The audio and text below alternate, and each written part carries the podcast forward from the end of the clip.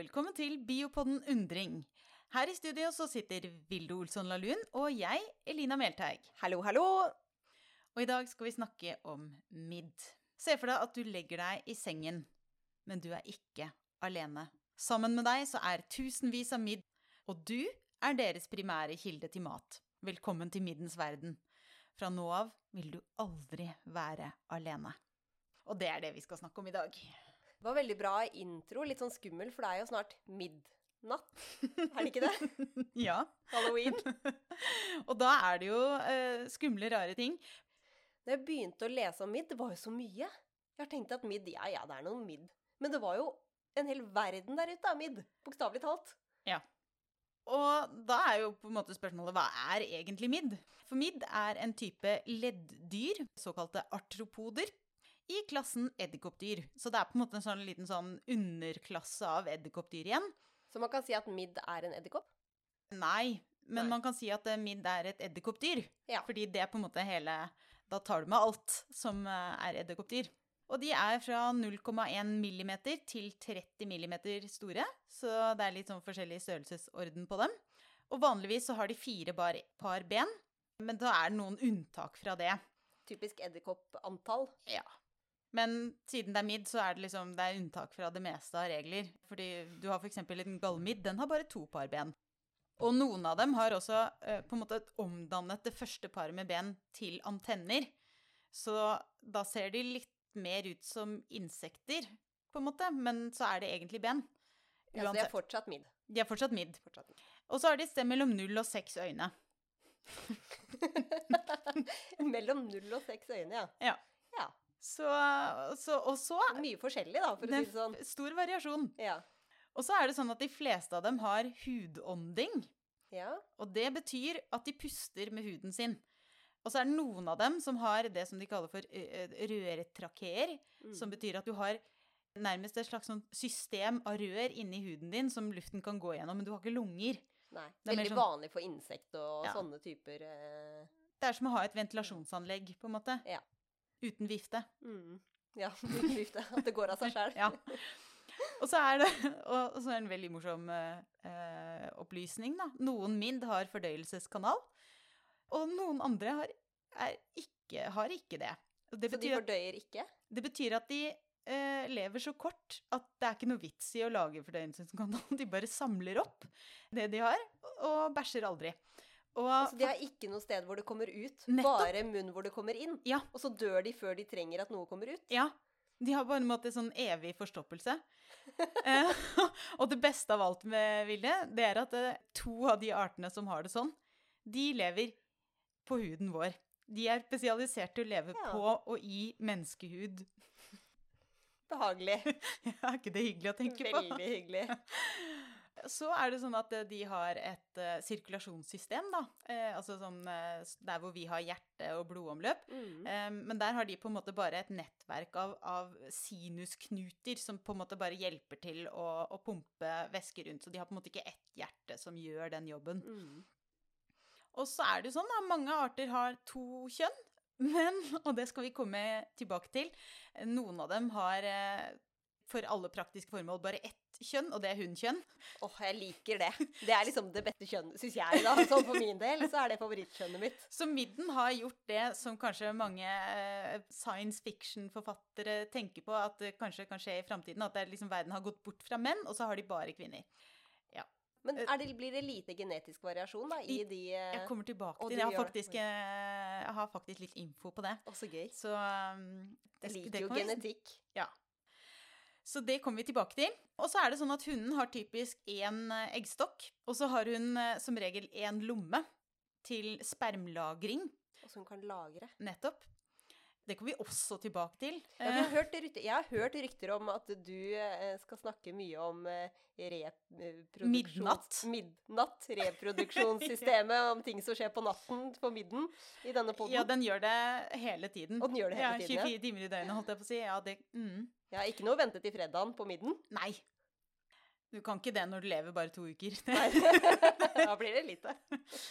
Eh, og så kan vi, bare for å fortsette litt om, om midd, da. En typisk utvikling, så har du egg, larve, nymfe til fullvoksen midd.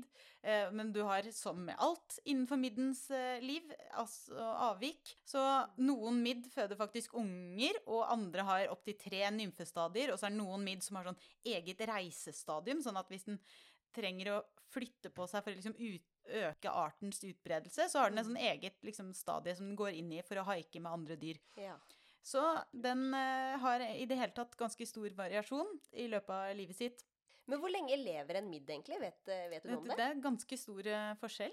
Uh, Og så tror jeg det kommer litt an på antall stadier og litt sånn. Mm. Så um, det, der tror jeg også man har ganske stor variasjon, Ja. rett og slett. Spennende dyr. Og det er jo hele 40, over 40 000 beskrevne arter ifølge Store norske leksikon. Men ifølge britannica.com så er det visstnok 45 000 beskrevne arter, og trolig så mange som 48 200. Og det er visstnok om lag 1000 forskjellige middearter registrert i Norge. Mm. Og der har forskere bare gjort et anslag på at vi kan gange med fire for å få det riktige antall midd Ja, i Norge. i Norge. Ja, for det er så mange man ikke vet om. Ja. Midd kan deles i tre, og nå skal jeg lese fine ting på latin. Har du øvd? Nei. Eh, Men vi tar det på sparket. Det er opilio acariformus, parasitiformus og acariformus. Og blant eh, opilio cariformes så er det ikke så veldig mye. Det er 20 arter i verden og ingen i Norge som man vet om, så den er grei. I parasitiformes innenfor der så har vi blant annet flått. Så det er, den er jo kjent for de fleste. Jeg har lest at jeg flått er en av de største middene. Stemmer det? Det størrelse, stemmer nok, for den, liksom? kan, den er jo ikke så veldig vanskelig å se. Nei, den er så ekkel. Ja. Og jeg tror nesten vi kunne hatt en egen podkast om flått, jeg. Ja. Men Ja, det hadde vært flott. Å, det var en vits etter mitt hjerte, Vilde. Takk, takk, takk. Eh, og så har vi da Acariformes, da. Der er det 750 forskjellige arter i, i Norge. Så um, hvis man trenger noen eksempler på hva en midd kan være, så har vi flått, som jeg sa. Eh, men andre kjente typer eh, midd er f.eks. husstøvmidd eller skabb. Så da har du liksom en liten sånn perspektiv på hva, hva en midd er, og da tror jeg vi er klare for å sette i gang. Med middforskning. Ja. Åh, jeg liker det. Har du lyst til å begynne, Vilde? Jeg har kjempelyst til å begynne. Jeg har lyst til å begynne med en midd, fordi eh, skabb og, og flått og sånn, det er jo midd som vi vet eh, ikke er så koselig for oss mennesker. Men jeg har lyst til å begynne med en midd som eh, ikke har noe å si for oss mennesker, men det har noe å si for noen andre små dyr som vi er veldig glad i. Honningbier. Oh. Og dette syns jeg er en Eller grunnen til at jeg valgte akkurat dette, denne midden, det er på grunn av navnet til midden. For okay. lenge så har man visst at liksom, eh, honningbier kan få midd, og at disse middene ikke er så gode. Men man fant ut at det er noen av disse middene som er veldig farlige, og som er veldig veldig eh, aggressive og gjør veldig mye skade på honningbier og, og sånn. Og så gikk det en stund, og så fant man ut at det er en, faktisk en helt egen art. Akkurat denne som er mer farlig enn de andre middene. Oi. Og det fant man ut ganske sent, så man tror at denne midden den kom eh, til Europa eh, 1980-tallet. Men det var ikke før i ca. 2000 at man skjønte at det var en egen art. Før så trodde man liksom at det var varianter av midd som allerede fantes i honningbiene her. Men da, på 2000, i 2000, så navnga de denne midden for Veroa, det er middfamilien eller middnavnet, og Destruktor. Oi. Det høres skikkelig farlig ut. Så den heter Veroa destructor fordi den gjør så mye skade på honningbier. Og denne Veroa destructor den kommer egentlig fra eh, eh, Eller det er forskjellige honningbier i Asia og i Europa. Og denne midden den kommer egentlig fra de honningbiene i Asia. Og så har den klart å spre seg til honningbiene i Europa. Og siden da honningbiene i Europa og denne midden som egentlig kommer fra Asia, ikke har noe koevolusjon, så er den kjempefarlig. Å nei. De har ikke noe motstandsdyktighet mot den midden. De har ikke noe motstandsdyktighet for mot den midden. Så, og den kom jo da til Europa på 1980-tallet, men eh, i løpet av de siste ti årene har den også spredd seg til Hawaii, Madagaskar, Reunionøyene og flere andre land. Så man tror at om ikke lenge så er den i hele verden og, og er skadelig for honningbier i, i hele verden. Men står det noe om hvordan den flytter på seg? Haiker den liksom med biene, eller hva, hva, hva? Ja. Så eh, det står egentlig ganske mye om Jeg tror den har den stadiet du mente med at den haiker med biene. Ja. For hovedsakelig så har denne midden to stadier. Det er det de kaller, nå skal jeg prøve å si det, foretic face, Altså foretisk fase. Mm. Og det er den haikefasen. Nettopp. Ja. Når, den, når den tenker nå skal jeg bare uh, gjøre meg om til et litt mer sånn praktisk uh, transportstadie, hvor den typisk har en, eh, et par glipeklør eller noe sånt, og så setter den seg fast, og så slipper den seg av når den tror den er framme. Ja, det tror jeg det er det den holder på med. Men eh, dette stadiet består bare av eh, hundemidd. Og så eh, går de jeg si, inn i, i biene og haiker med bier. Og bier har Jeg kan ikke så veldig mye om bier, eh, men de er kjempekomplekse og veldig kule. Og de eh, flyr masse rundt, og det er visstnok også muligheter for noen bier å liksom ha hvilepauser i andre hi og sånn. Og da Oi. kan denne midden sitte på i denne stadiet til andre hi, hvor den liksom da går ut og slippes ut.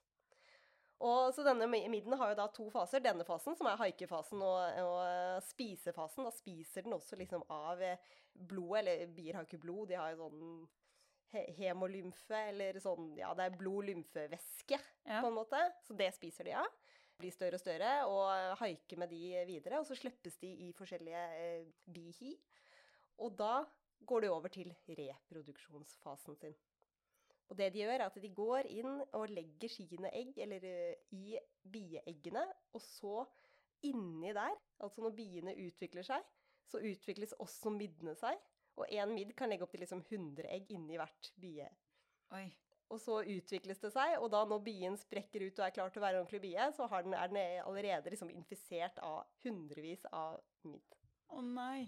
Så det er sånn den, eh, det er sånn den holder på. Og som sagt, nå har jeg fått navnet eh, destruktor, fordi den gjør så mye skade. Og den gjør skade fordi den tar alle ressursene til biene. Så det er jo droner, hannbier f.eks., de eh, klarer jo liksom å lage antall Antall spermier de lager, er helt korrelert med størrelsen på bien. Å, Så når da midden tar liksom masse, masse, masse energiene til disse drone hannbiene, så blir de bitte små lager nesten ingen spermier, og så får de ikke nye bier. Å nei. Og for eh, alle sankebiene f.eks., så kan denne eh, midden Og dette er egentlig veldig gøy. Midden kan eh, gjøre eller De blir infisert, og da tar de eksempel, eller selvfølgelig energi fra de, men i tillegg så blir immunforsvaret til biene kjempedårlig. Og man tror også at infeksjon med denne midden kan føre til noen sånn neuroforskjeller som gjør at biene begynner å oppføre seg annerledes. De mister orienteringssansen sin. Og man tror liksom at det skal føre til at biene da mister litt sånn orientering og flyr til andre hi og tar med seg midden videre. Selvfølgelig. Ja. Så det, det er jo på en måte smart på midden sin del, men veldig dumt uh, for biene, da. Ja. Og det som er, jeg synes var veldig gøy med dette, er at de har forska masse på hvordan man skal liksom bli kvitt denne eh, midden. For den gjør masse store, store skader. Den Mhm. kan jo føre til det stadiet at liksom hele bikolonien bare blir eh, Eller hi- alle biene stikker av, og dronningen blir, blir eh, forlatt, Ja. for eksempel. Og det er jo eh, stor Ja, veldig dårlig for biene, da. Men de har forska veldig mye på hvordan man skal bli kvitt denne midden. Men de har ikke forska så mye på hvordan midden faktisk fungerer. Liksom biologien og fysiologien til midden. Ah. Så de har da holdt på siden 80-tallet med å bare liksom teste forskjellige kjemiske ting for å få bli kvitt midden, men de har egentlig ikke prøvd å finne ut av hvordan midden funker. Frem til nå. Ok, fordi Mm. det var, jeg, det var det jeg var litt spent på nå. Som bare, hvorfor i all verden tok du fram dette her? Men nå skjønner jeg. Nå, nå kommer vel det, noe, det spennende. Nå kommer det som jeg syns var veldig gøy, for denne midden er en av de aller minste. Den er 0,1 millimeter, bitte, bitte, bitte liten. Og det er da noen forskere, dette ble publisert i fjor, eh, en artikkel, Cotuvela et al., eller Cotuvela og andre forfattere, mm. 2019. Og de har faktisk klart å måle og se på hjertet til denne bitte lille midden som slår. Er det sant? Ja. Altså, den, du kan måle på så små ting. Du kan måle på så små ting at hjertet slår. Og som du sier, som du nevnte i introen, de har jo ikke et ordentlig hjerte, de har sinusknuter som liksom eh, slår frem og tilbake. Og man har jo ikke visst så mye om hvordan liksom Man har aldri klart å se på det bitte, bitte lille hjertet før, men det har da de klart. Hvordan i all verden gjør man det? Ja, det lurte jeg også på. Det jeg fant ut av, var at det er veldig viktig å ha veldig fersk midd. At den, liksom, den må komme rett fra bia, for da har den det best. Og da er det lettest å se at den faktisk liksom fungerer som den skal. Mm. Så eh, heldigvis for dem så var det en biekoloni som vokste på campus. så det står da at eh, i liksom dem, så hvordan de forklarer hvordan de har gjort det, så bare gikk de ut og henta noen bier. Og så tok de med seg biene eh, inn, og så eh, fant de midden på biene. Og så tok de eh, eh, midden og la den med magen ned, stakkars midd, og teipa den fast med en slags sånn Dette er det som høres litt rart ut. Det, liksom, det virker som de har tatt et slags eh, plastlag og teipa midden liksom most på magen ned på en, eh, en glassplate veldig hardt med sånn tynn teip. Eh, og så har de sett den på, på mikroskop, da. Og så har de målt en video av denne, dette hjertet som slår. Jeg syns det er så fantastisk at Og det den, går an. Ja, og denne hjertevideoen den kan man se på YouTube. Wow. Så ja. Og det som jeg syns var eh, egentlig det mest spennende Jeg kan jo ikke så mye om midhjerter, men de fant ut at uh, den er, har en litt sånn uh, toslags måte å, å dunke på. At den dunker uh, ja, to forskjellige steder, egentlig, som liksom er hoved... Litt sånn som vårt? Sånn. ja, litt, bortsett fra at det henger ikke så godt sammen. Ok, ja. To individuelle steder som slår. Mm. Men ett hjerteslag var gjennomsnittlig på 7,39 sekunder. Det Hæ? syns jeg var veldig dreit. Kanskje den har skikkelig god hvilepuls, da. Ja, det var jo den hvilepulsen. Så det er jo bare noe Ja, det var veldig dreit. Det er liksom Ja. Så det, det syns jeg var Men- eh, Den er kanskje ikke så stor, da. Den trenger kanskje ikke at det slår så ofte. Nei, og det var også det de fant ut av, for de analyserte jo liksom og så på hjertet, og hjertet er kjempestort i forhold til kroppen. Eller hjertestrukturene er kjempestore. Så eh, eh, en tiendedel av egentlig midden kan være hjertet i de mest største omlag. Det er jo kjemperart. Ja, det er kjempe... Så de gjorde helt sånn kjempestudier av denne stakkars midden som ligger most på magen. da. Tok bilder og målte hjertelyd og analyserte og tilsatte også mange forskjellige kjemikalier som man vet egentlig fungerer mot midden, og fant ut at ja, den fungerer fordi hjertet begynner å slå kjempefort. Ja. Stakkars midd. Så, eh, så det syns jeg var ganske spennende. Fysiologien til den farlige midden. Destruktor. Jeg har spart det til fun facten, men jeg har noen, noen skikkelig gøy fysiologi-fun facts som kommer Jeg gleder meg. helt til slutt i podkasten. Fordi den, det jeg har nå Var du ferdig? Ja. Ja. Ja. Det er, jeg lurte nemlig på Midd er jo Særlig innenfor parasittiformes-delen av middene, så er det, det er jo mye av midden som er parasitter, sånn som Mm. Veroa destructor. ja. Og så jeg tenkte litt på hvor lenge har vi hatt midd her i verden? ja. Og det er ganske lenge, faktisk. Og da er det faktisk Sverige som har rekorden. På eldste midd. Ja. Og det er en Søta bror. det var en eh, artikkel om at eh, Sverige har en, en, et fossil av en, eh, en midd, en hornmidd, som er 480 millioner, millioner år gammelt. Så det fantes fossiler for 400, nei, midd for 480 millioner år siden. Og da, er det liksom den typen som ligner på hornmidd, da. Den typen som, eh, som eh, ja, ikke har like mange bein, som eh, også er, vanligst på planter og sånn. Jeg vet ikke om den var det for 480 millioner år siden, men, men det er jo helt sykt. det er i hvert fall det de er nå. Og det som er gøy, da, det var, det var én type midd som er gammel og funnet i stein. Men så er det noen andre forskere som har sett på hva er det vi finner av ting hvis vi ser i rav? Fordi er, der er det ofte bedre bevart. Og da har de analysert 70 000 ravdråper fra Italia for å se hva de finner. Eh, og da fikk de en ny rekord på hvor gamle ting man finner i rav. Fordi da var det en 230 millioner år gammel artropode, nemlig eh, to typer midd, Gøy! som ble funnet. Og da, det er rett og slett en, en, en ny re rekord for eh, hvor gamle midd man, eller ting man finner i rav. Og de fant to, var det to forskjellige midd? De eller var fant det- to forskjellige midd og én mygg. Og en mygg, ja. Ja. Å nei, så det er myggen. Disse plageåndene har vært med oss i evig tid. Både de og middene. Så det var to typer midd, og det er Nå skal jeg si det på latin. Triasacarus fedelei. Det er den ene. Ja. Og så er det Ampesoa triassica.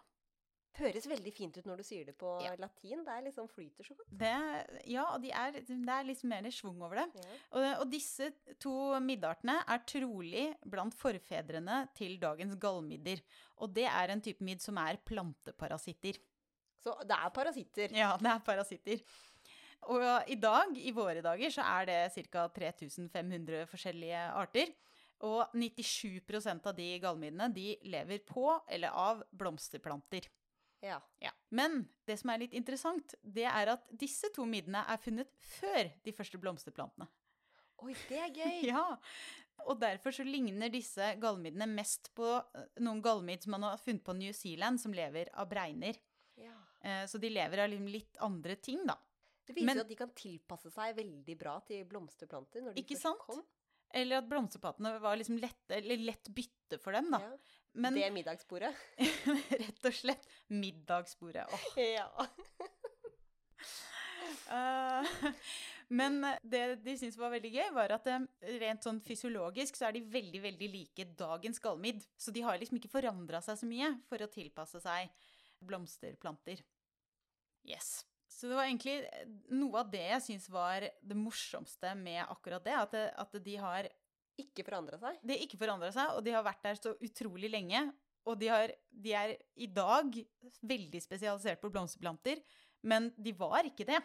De var egentlig eh, gode på å liksom spise bregner og helt andre ting, men eh, Men det sier jo litt om hvor bra det egentlig var da. mm, Når det ikke har endra seg til nå. Eller det vet vi jo ikke sånn på et genetisk plan, da. Men rent utseendemessig så var de veldig, veldig like. Ja, vi var jo ikke funnet på engang. Nei, overhodet ikke. Ikke i nærheten engang. Altså, i, i den perioden, da. Ja. Det er da de første pattedyrene begynte å oppstå. ja, ikke sant. i triasperioden. Så Det er jo helt sjukt lenge siden. ja, Og de første bildene begynte å komme på den tiden. Sånn at der Men midden, den sto på. Midden sto på, og midden fantes. Og midden, den er veldig mye eldre enn det meste av, eh, av oss, og den er eldre enn pattedyrene. Så Den må jo få mer creds enn det den egentlig får. ja. Og så kan du si at det, midden vi, vi ser jo på det som parasitter og liksom sånn plagsomme type dyr, da. Mm. Men det som er med midd, er at veldig mange arter av midd er jo også Du kan kalle det en slags sånn opprydderjobb. altså de rydder, de spiser døde plante- og hudrester og, og dødt materiale. Så de veldig mange midd er veldig viktige for naturen også. Det er ikke bare Bare plagsomt. Nei. Jeg tenkte det er litt viktig å si, Ja, fordi det eh, kom jo mer info om midd. Jeg, tror, jeg tipper at du har noe mer på lager som kanskje ikke er like, like hyggelig. Ja, for du snakka jo om sånn dø døde hudceller og at midd liker å spise det og sånn. Mm. Kanskje vi skal ta neste forskningsartikkel Jeg som jeg har gått inn i? Ja. Fordi denne forskningsartikkelen syns jeg var mest spennende fordi, eh, på grunn av hvor den var gjort. OK? For her så ville man se på eh, husstøvmidd. Altså det som vi da eh, vet bor i sengene våre, spiser av eh, dødt eh, eller død hud, Ja. som eh, bæsjer og koser seg i senga vår. Og som til og med mange er allergisk eh, mot. Altså, Da er de jo ikke allergiske mot selve midden, tror jeg, men, men bæsjen. Ja, Mm. det er akkurat det de er. Fordi eh, de er egentlig allergiske mot eh, Eller midden i seg selv, den er ikke farlig i det hele tatt. Mm. Men den bor jo i da eh, madrassene våre og i alle steder hvor vi er. Og så eh, bæsjer den, og det vi er mest allergiske mot, er egentlig noen enzymer som er i tarmsystemet og fordøyelsessystemet til midden. Så den har tarmsystem, da. Ja, den har tarmsystem, ja. ja. Det er litt uflaks for oss, egentlig. Hadde vært deilig om den ikke hadde det, for da hadde den ikke vært så allergisk. Men dette er jo noe som fører til at veldig mange med astma og litt sånn, at det går eh, Man blir veldig allergisk, da. Så det er et stort problem for mange som har eh, allergi og astma og sånn. Og disse enzymene som da denne bæsjer ut sammen med bæsjen sin, er man kjempe, kjempeallergisk eh, mot. Så man prøver å gjøre mye for å liksom, finne ut av hvordan skal man eh, lage madrasser, og hva skal man gjøre for å ha minst mulig midd. Hmm. Og det var det noen forskere som ville finne ut av i barnesenger. Altså for barn.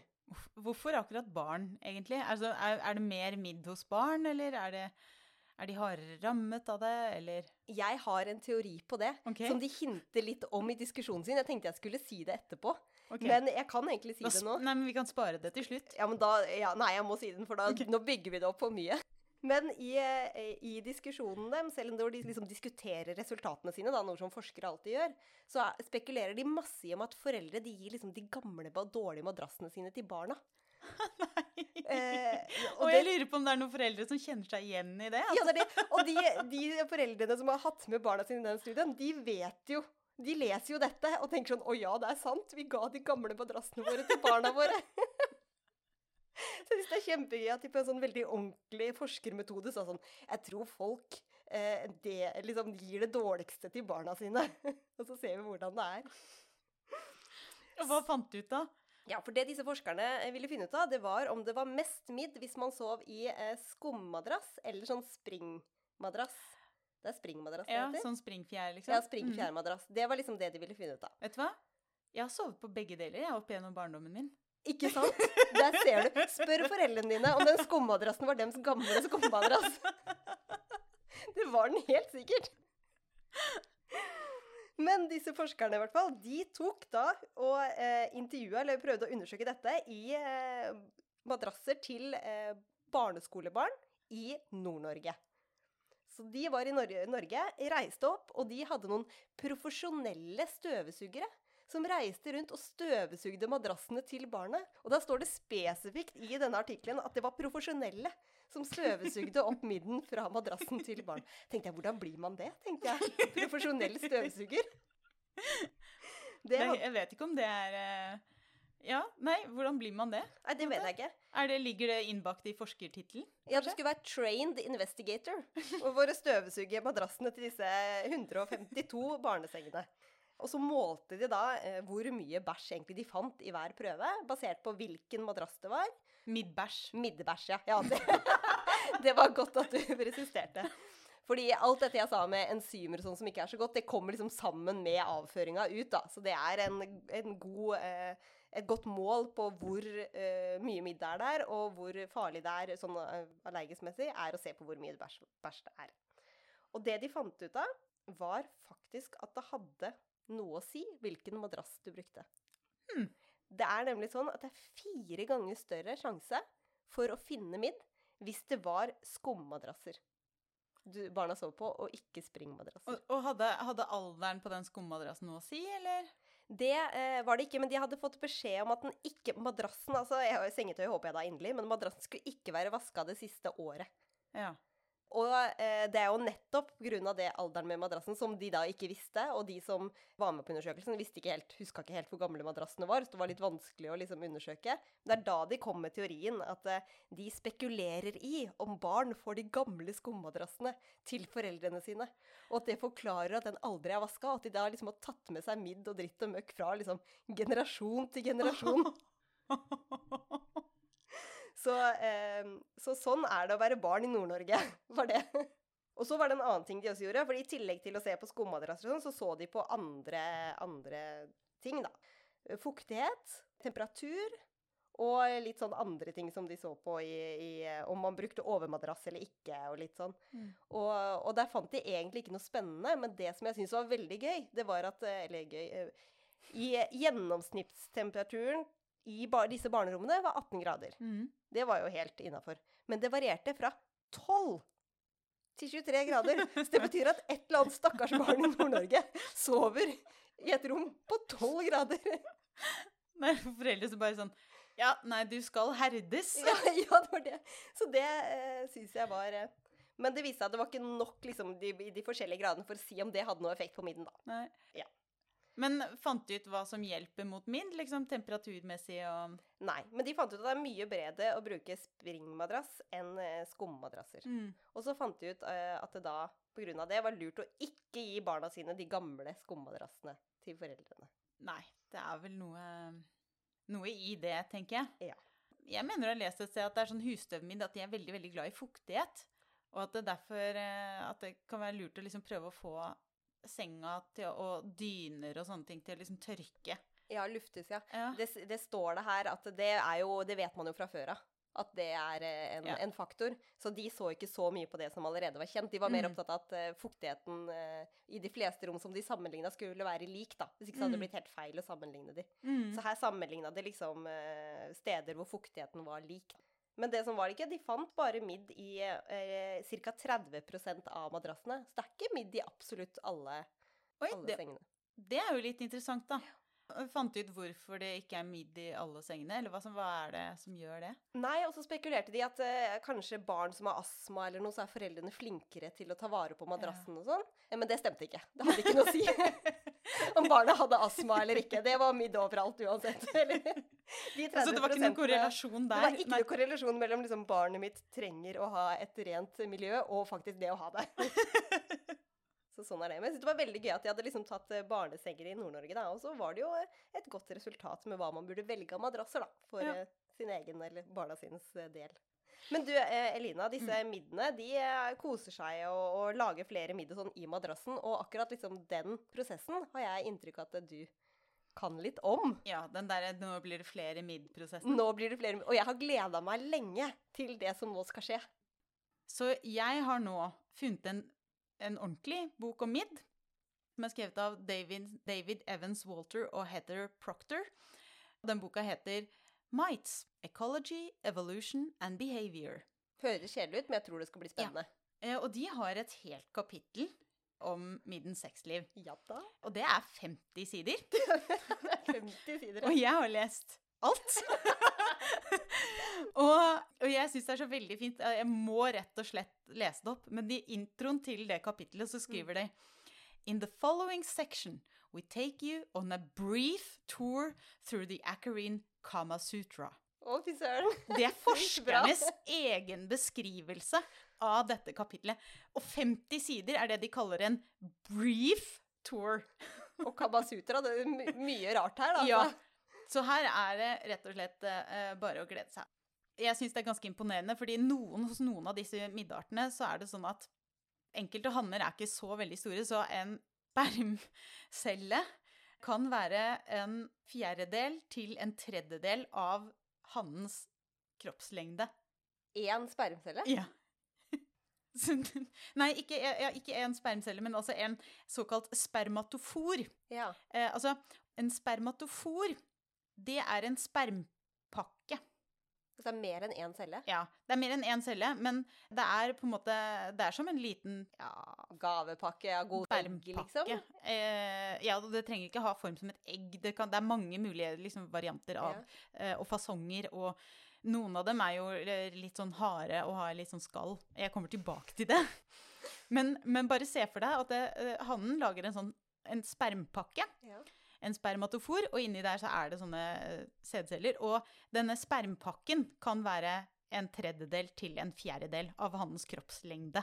Så de kan være skikkelig svære, de der spermpakkene.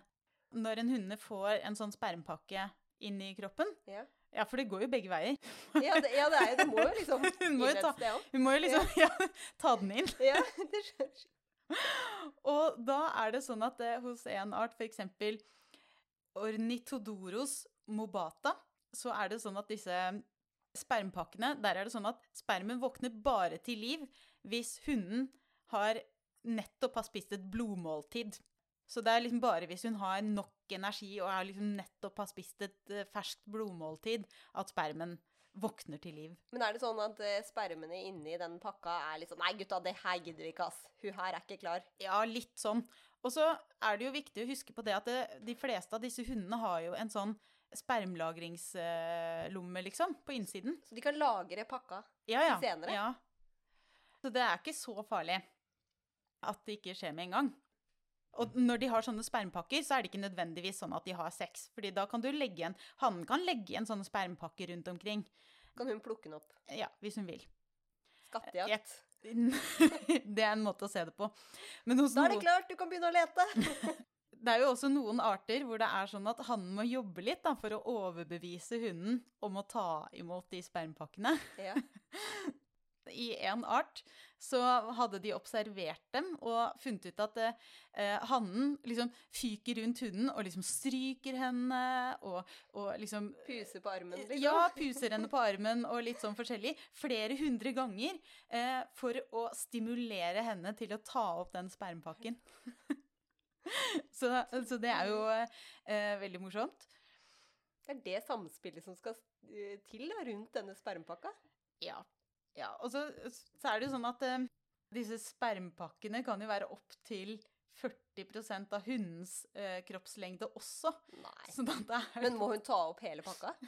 jeg vet ikke og, og, helt hvordan det der funker, men er, de har så veldig mye rare forskjellige varianter at det ville ikke rett og slett ikke overraske meg. Men er det noen forklaring på hvorfor Fordi når vi snakker om at hannen må liksom hjelpe spermpakka inn i hunden, mm. og det virker som det er veldig mye styr for å ikke bare lage en penis og gjøre det på vanlig-måten. Er det Ja. noen grunn til at de har liksom gått for spermpakkemetoden når den virker litt slitsom? Ja, jeg tror det er litt det der at det, hvis du ikke finner noen dame, så kan du på en måte bare legge igjen spermpakka di, da, og håpe at noen finner den om en liten stund senere. Ja. Du har liksom ikke noe å tape på å drive og lage sånne spermpakker og legge dem litt rundt her og der. Litt hist og pist, liksom? Ja. Rett og slett. Og så har du jo, det er flere eh, arter som har utviklet litt sånne rare varianter. Fordi hos noen arter så er det sånn at enkelte hanner har funnet ut at det er lettere å lure seg innpå hundene hvis de ligner på hundene. Er det sant?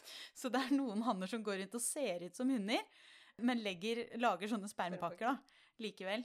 La, legger de spermpakka, så blir de liksom overraska sammen med hunden. Sånn Nei, men, nei, men se der! Der- Vil du ha den, eller skal jeg ta den? Eller ja, du tar den, du, ja? Du tar, ja, Ja, men så fint, da. litt sånn. Noen hanner har jo da funnet ut at de kan lure dama i en spermfelle. Oi. Og det er akkurat så gøy som det høres ut. Er det det? Fordi da kan de også samtidig få sjekket at det er en dame og ikke en mann. Ikke sant? For du gidder ikke kaste bort spermen din på en mann. ja, for det er det jeg tenker. Det er jo litt synd hvis de har brukt masse energi, og så, og så var det feil kjønn. Ja. Så du har en um, art, Naumania. Og der er det sånn at hvis hannen på en måte vifter leggene sine over eh, spermpakken sin, så later han på en måte som at han er et byttedyr som de lever av. Og da blir hun litt sånn Oi, var det kanskje noe spiselig der borte? Så hun forter seg bort dit, da. og så er det visstnok bare hundene som responderer på den måten. Så hvis, hvis, det er en art som da, hvis det er en som da forter seg bort dit, så vet han at ah, det er en dame. Ja. Og da har han gjort det på den måten at han vifter jo bare over den spermpakka, så da snubler hun liksom i den. Så han, vifter over sin egen sperm, Ja. lurer dama til seg. Akkurat når hun kommer, hopper han bort. Hun snubler over spermen, får spermpakka inni seg. Ja, Alt er gjort. altså Her står det eksplisitt by running towards the male and hence over the spermatophores. And the sperm packets are sticky and become attached to the female's venter. Mm. Så hun løper mot, og så på veien så blir det liksom hun, Settes det seg fast inni henne. Ja, fordi det, i, den, de spermpakkene er rett og slett litt sånn uh, slimete slimete Klissete, eller ja. Så de sitter fast. Så hvis hun bare snubler i den, så er det liksom gjort. Det er jo helt genialt! ja, Søren, så gøy! kjempelurt. Sikkert veldig grei, morsom måte å liksom bare Æsj, hva er det ekle, slimte greiene her? Og så begynner hun å liksom prøve å tørke det av seg, og så ved et uhell så tørker hun det liksom inn i Ja, Og så er det gjort. så er det gjort. Og eh, hos noen andre arter så er det sånn at eh, da er det noen hanner som rett og slett går rundt hunden, og så lager de et gjerde av det de her kaller for ejakulat. Er det også sånn kliss, så hun må gå Det over det er, og sette det er jo også sånn kliss, altså sper, liksom små Ja. sånn lite gjerde av sånne spermatoforpakker, da. Rundt sant? henne. Rundt henne. Så da er det sånn at hun er omringet, så hun må på en måte gå over en sånn spermpakke uansett hvor hun går. og så er det sånn at hvis det er hunder i nærheten, så er det noen hanner som blir så ivrige at de kan lage opp til 100 sånne spermatoforpakker i nærheten av damen, der hvor damene pleier å spise, da. Ja. De kan gjøre det ganske hyppig, fordi de kan gjøre det så mye som 30 ganger per dag i to uker. Altså i løpet av hans livstid 420 sånne spermatoforpakker i løpet av en hans livstid. Det, er jo, det virker som hele liksom, den Det er basert på at hun skal være uheldig og tilfeldigvis klistre seg fast i en av de posene Det er jo veldig fort gjort, da, hvis du lager et gjerde. Ja, når du må gå over.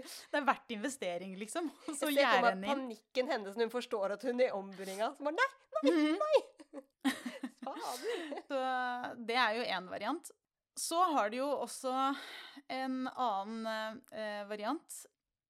Og det, dette er faktisk hos eh, mener jeg husker at dette er hos eh, husstøvmidden, faktisk. Og der er det sånn at eh, når en han møter en hund, og de har lyst på hverandre, så kravler de oppå hverandre i motsatt retning av hverandre. Så de, liksom, de begynner å fikle med hverandres eh, kjønnsåpninger, da, Ja. eh, rett og slett. Så gjør de det en liten stund. Og så finner du at OK, da Det er Kamasutra.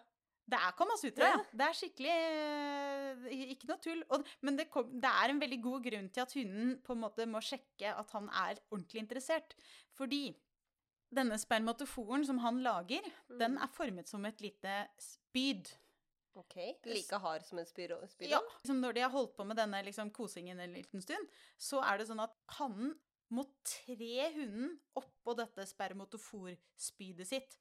Og hvis han blir forstyrret i det arbeidet, så kan den spermatoforen faktisk brekke inni hunden.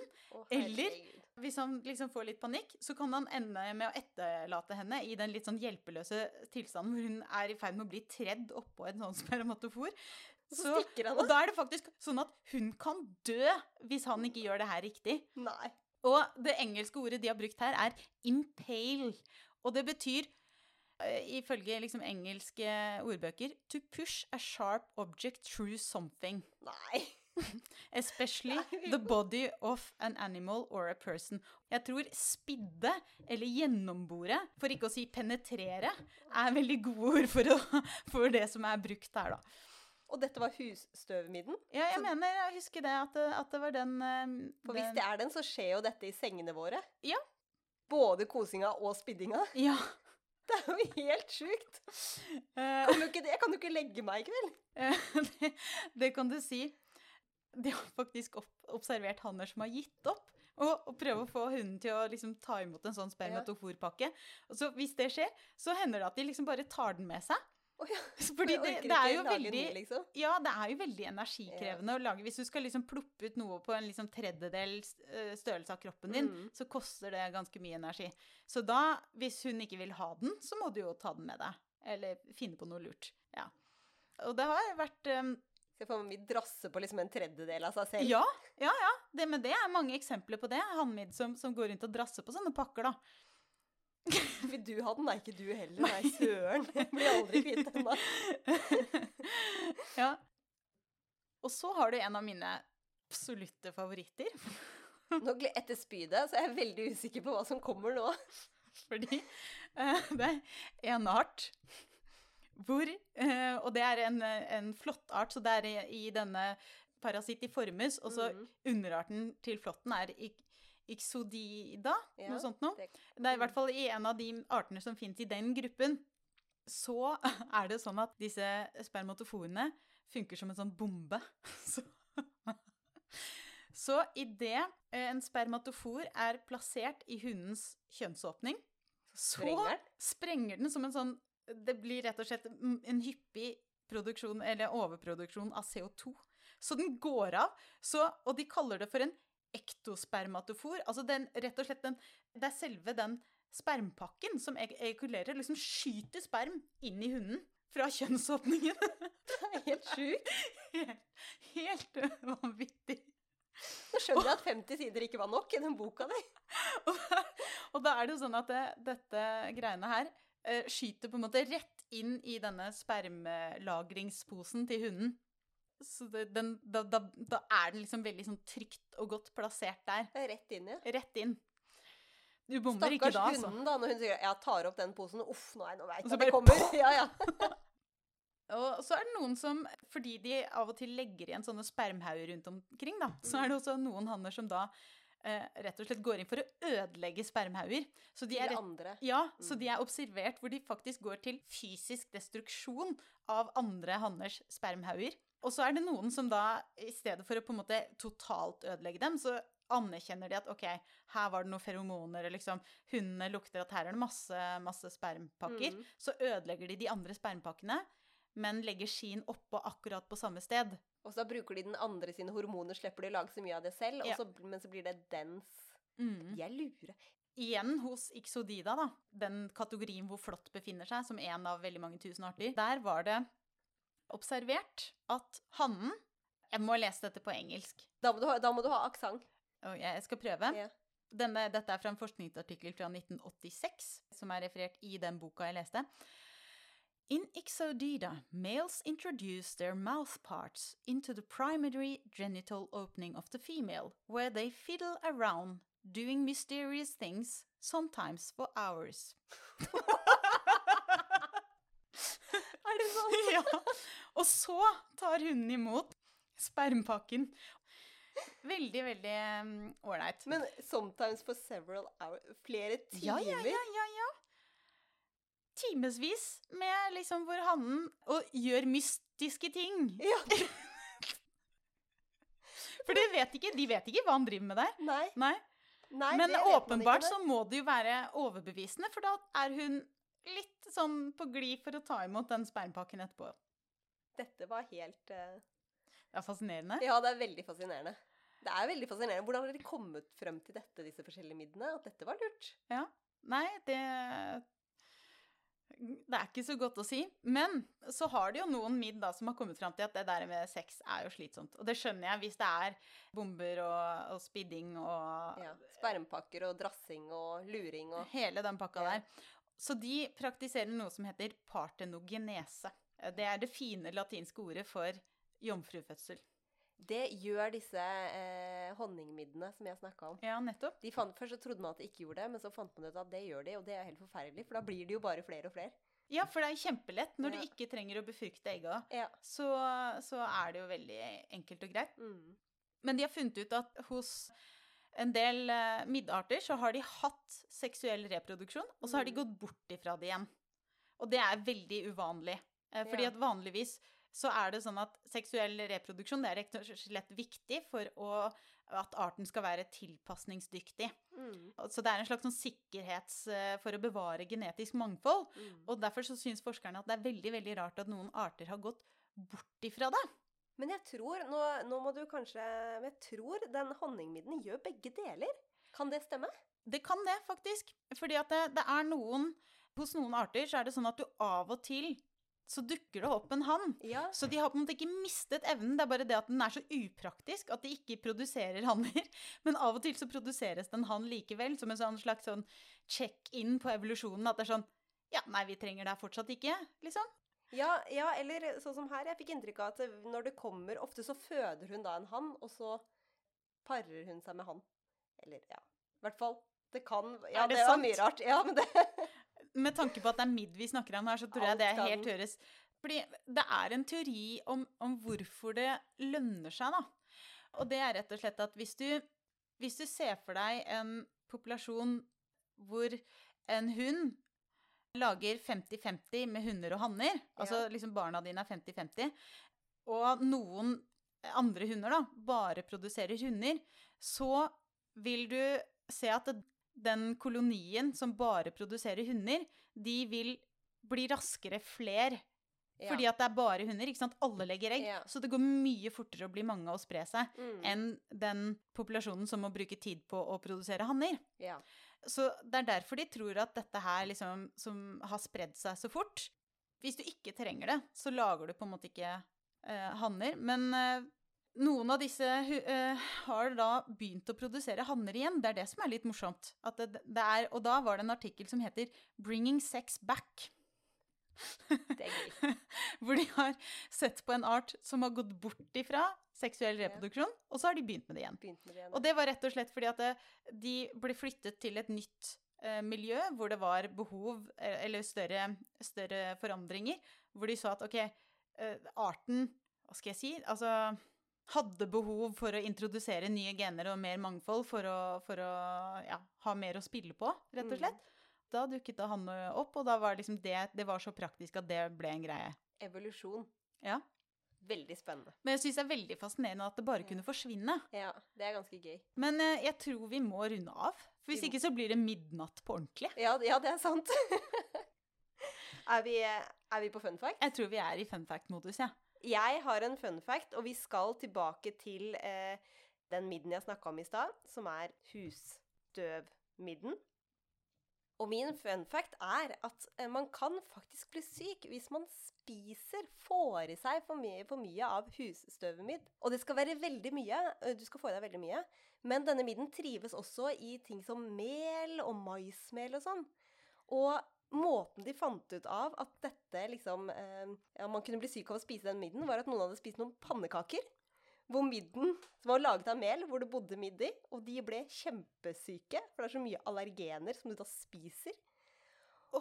Og de kalte da sykdommen for pancake syndrome. Nei, er det sant?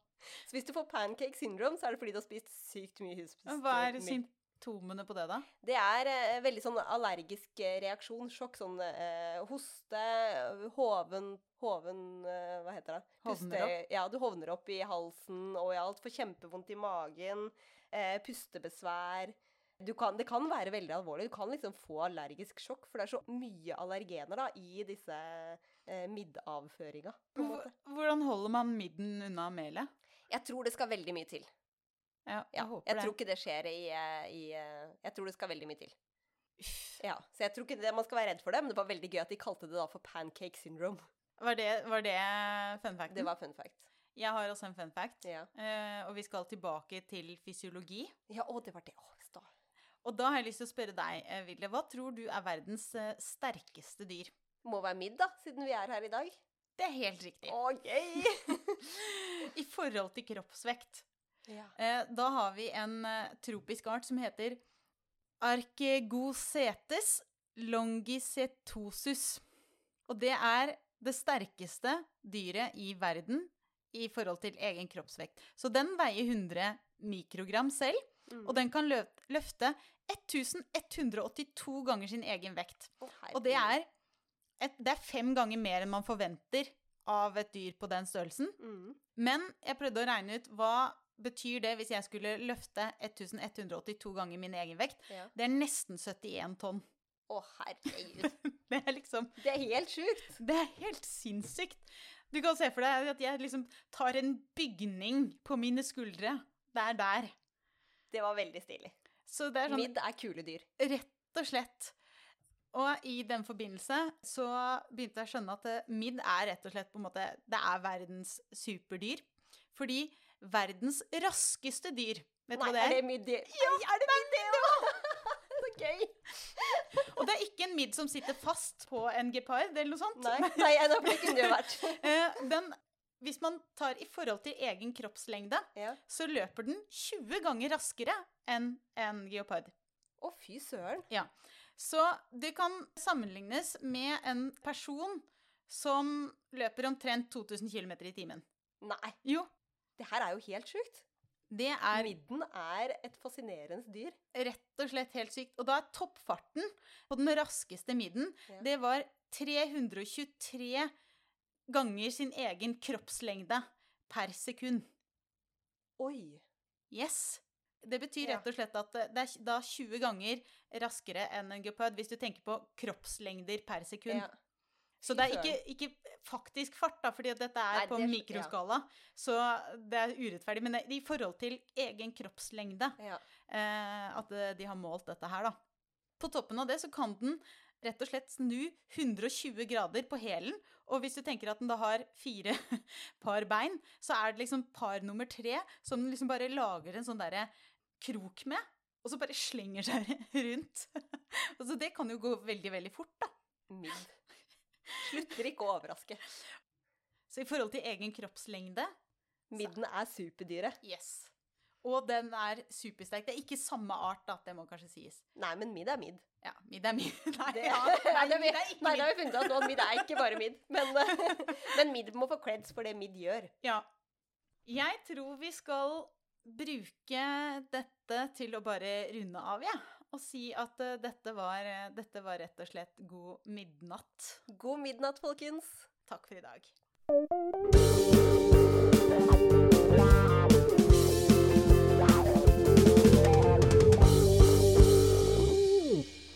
Du har nå hørt Biopodden Undring med Vilde Olsson Lahlun og Elina Melteig. Med på laget har vi også Torborg Galtland, som er daglig leder i Norsk biologforening. Biopodden utgis av tidsskriftet Biolog, som eies av Norsk biologforening. Disse utgivelsene skjer i samarbeid med Tidsskriftforeningen med midler fra Fritt Ord. Musikken du hørte, er laget av biologibandet Overgump, som består av Even Sletteng Garvang, Markus Fjelle, Erik Møller og Mathias Kirkeby.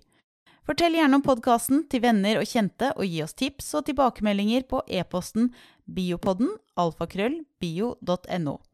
Du kan støtte oss ved å bli medlem av Norsk biologforening. Alle er velkomne. Vi høres.